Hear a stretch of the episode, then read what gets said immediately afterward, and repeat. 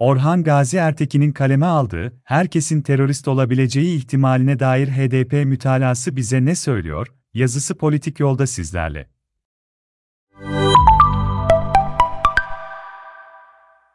Yargıtay Cumhuriyet Başsavcılığın HDP mütalası sadece doğrudan muhatabı olan HDP ve Kürtler açısından değil Türkiye'de siyaset yapan tüm kesimlerin hak ve özgürlükleri ve bunların sınırlarını anlamak açısından da oldukça verimli bir metin. Yurttaşlar ile teröristler, haklara sahip olanlar ile haklardan mahrum bırakılması gerekenler arasındaki sınırların nasıl kurulduğunu gösteriyor bu resmi metin.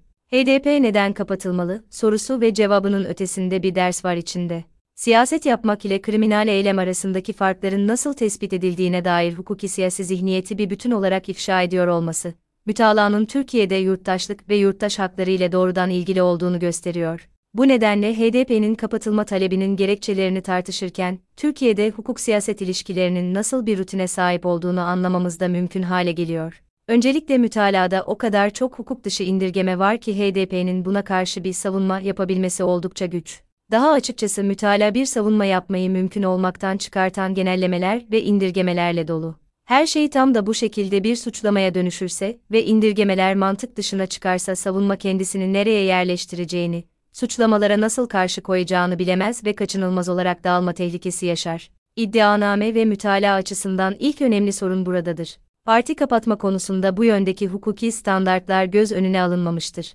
Bir defa mütalaa hukuken en temel ayrım olan amaç ve araçları birbirine özdeş hale getirmiş.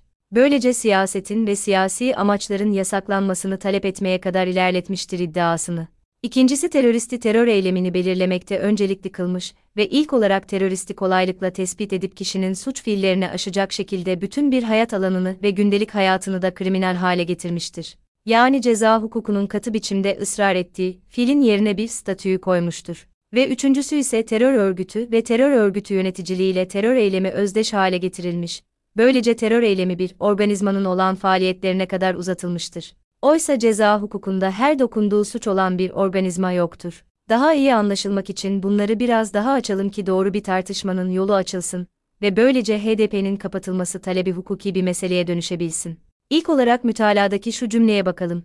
İddianamede Davalı Parti'nin bölücü terör örgütü PKK, KCK ile amaç birliği doğrultusunda terör örgütü vasıtasıyla şiddet unsurunu kullanarak ırk esasına dayalı olarak bölüp, ayrı bir devlet kurma hedefine ulaşmada kararlı olduğu belirtilmiştir.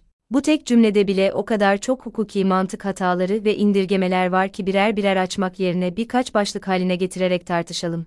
Birinci olarak mütalaa HDP ile terör örgütünü, amaçları ile birbirine bağlamıştır. Oysa herhangi bir terör örgütüyle, amaç birliğine sahip olmak hiçbir legal parti ve örgütü terörist yapmaz. Terör uzantısı bir merkez haline getirmez. Terör eyleminin sorumlusu kılmaz. Bu çok açık ve net bir hukuki kuraldır. Çünkü terör araçlarla ilgilidir.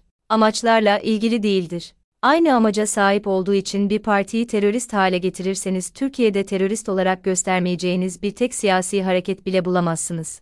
Çünkü şiddeti kendi amaçları için kullanmayan hiçbir hareket veya hareket üyesi yoktur. İkinci sorumlu indirgeme ise, terör örgütü vasıtasıyla şiddet unsurunu kullanarak ifadesinde saklıdır. Burada söylenen şey hukuken çok açıktır ve şöyle özetlenebilir. HDP bir parti olarak aslında şiddet unsurunu kullanmamaktadır. Buna karşılık bir vasıta yoluyla şiddet ile bağ kurmaktadır. Oysa iddianame ve mütalanın genel yaklaşımı tam tersidir. HDP, terör örgütünün bir vasıtasıdır. Buna karşılık yukarıdaki cümlede HDP'nin PKK'yı vasıta olarak kullandığı iddia edilmektedir. Kaldı ki PKK, KCK ile HDP, amaç birliği ile birbirine bağlandığında artık her ikisi arasındaki vasıta ilişkisini tespit etmekle uğraşmak zorunda kalmazsınız. Oysa hukuk ve özellikle de bu davada esas alınacak ceza hukuku mantığı bu vasıta ilişkisinin somut seyrini tespit etmek ile sınırlıdır.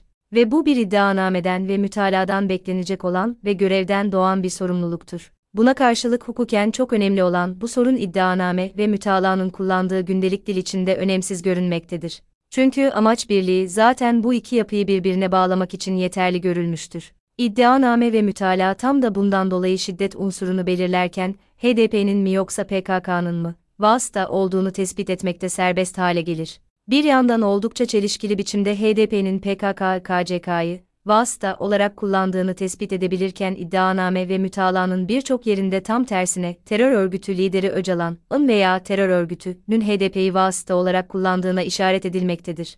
Bu iki tespit arasında sanıldığının tersine şiddeti ve terör eylemini tespit etmek bakımından ciddi bir çelişki vardır. Hukuken böyle bir dil ve yöntem kullanılamaz. Kullanılmamalıdır. Vasıta meselesi kolayca sonuca bağlanamaz ve geçiştirilemez. Mütaladaki bir başka önemli hukuki eksiklik ise HDP'nin, Abdullah Öcalan'ın talimatları doğrultusunda kurulduğu ve onun verdiği talimatlarla yönetildiği suçlamasına ilişkindir. Şu aşamada bunun doğru olup olmadığı önemli bir sorun değildir. Ayrıca bunun iddianame ve mütalada kanıtlanıp kanıtlanmadığı da şimdilik ayrıntıdır. Burada, asıl olarak, oldukça ciddi başka bazı sorunlar ve hukuki çelişkiler bulunmaktadır. Basit olarak şöyle özetlenebilir sorunlar. Eğer Öcalan böyle bir talimat verdiyse, bunun terör faaliyeti olduğu sonucuna nasıl varabiliriz? Terörist başı olduğu için mi?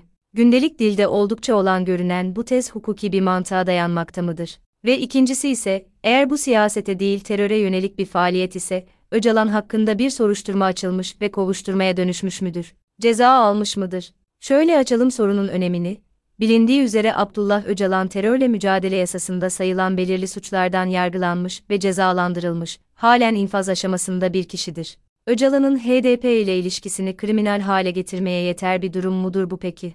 Mütalaa burada da yanlış hukuki muhakeme yöntemleri kullanmakta ve sorunlu indirgemeler yapmaktadır. Birincisi Öcalan'ın terör örgütü kurucu ve yöneticiliğinden cezalandırılmış olmasının, onun bütün eylem ve söylemlerini kriminal hale getireceği ön varsayımı vardır burada. Bu tamamen hukuk dışı bir yaklaşımdır. Bir kişinin terör örgütü yöneticisi olduğunun mahkemece karara bağlanması, onun tüm faaliyetlerini ve sözlerini de terör eylemi haline getirmez. Modern hukukta böyle bir hukuki statü yoktur. Kaldı ki bu bir statü olarak modern hukukun asla kabul edemeyeceği indirgeme biçimidir. Hükümlü olan kişi hükümlüdür. Hüküm sonrası yaptıkları ve söyledikleri de doğrudan hüküm kapsamına girmez. Eğer hüküm sonrası suç eylemi iddiası var ise yeniden yargılanır. Daha açıkçası Yargıtay Başsavcılığın bunun tersini iddia etmesi için iki temel soruya cevap vermesi gerekir. Birincisi HDP'nin Öcalan tarafından kurulması neden terör faaliyeti olmalıdır? Terörist başı olduğu için mi?